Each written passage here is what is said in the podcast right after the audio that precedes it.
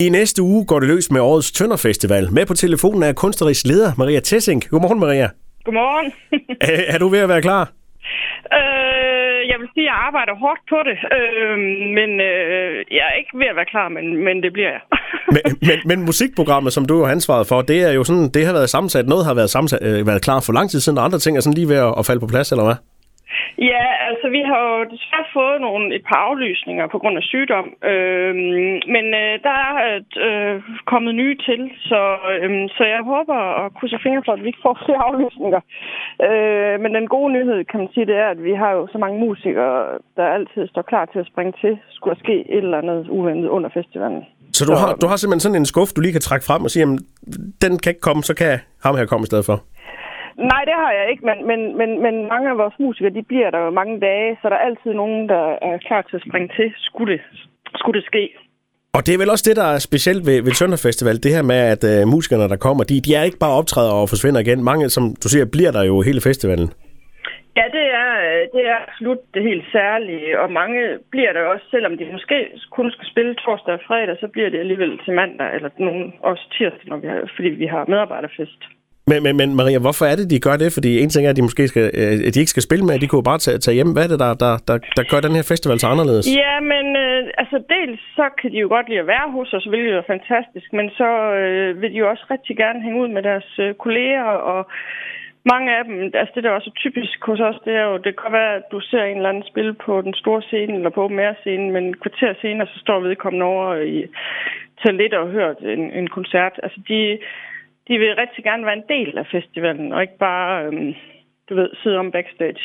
Øhm, så det er det særlige. Altså, særligt det er, at de gerne vil møde deres kolleger og høre hinanden og spille sammen og sådan noget. Ja. Og hvis man kigger på listen, så er der rigtig mange navne på programmet i år. Hvis du sådan skal sætte en, en overordnet rød tråd, hvad er det så for en festival, man kan glæde sig til i år?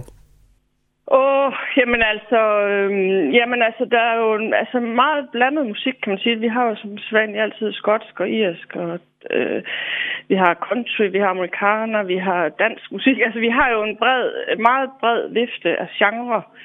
Øhm, og jeg håber, at den, den ligesom, øh, at, at programmet ligesom tiltaler en, altså folk generelt, eller hvad man siger.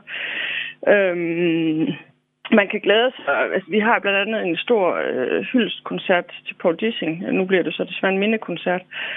Øh, og det tror jeg bliver rigtig, rigtig fint. Det er torsdag. Øh, og blandt andet øh, er det ret vildt, fordi Bob Dylans øh, bassist, han kommer en del af det band, fordi han er kæmpe, er kæmpe fan af Paul Dissing. Wow. ja, det er wow.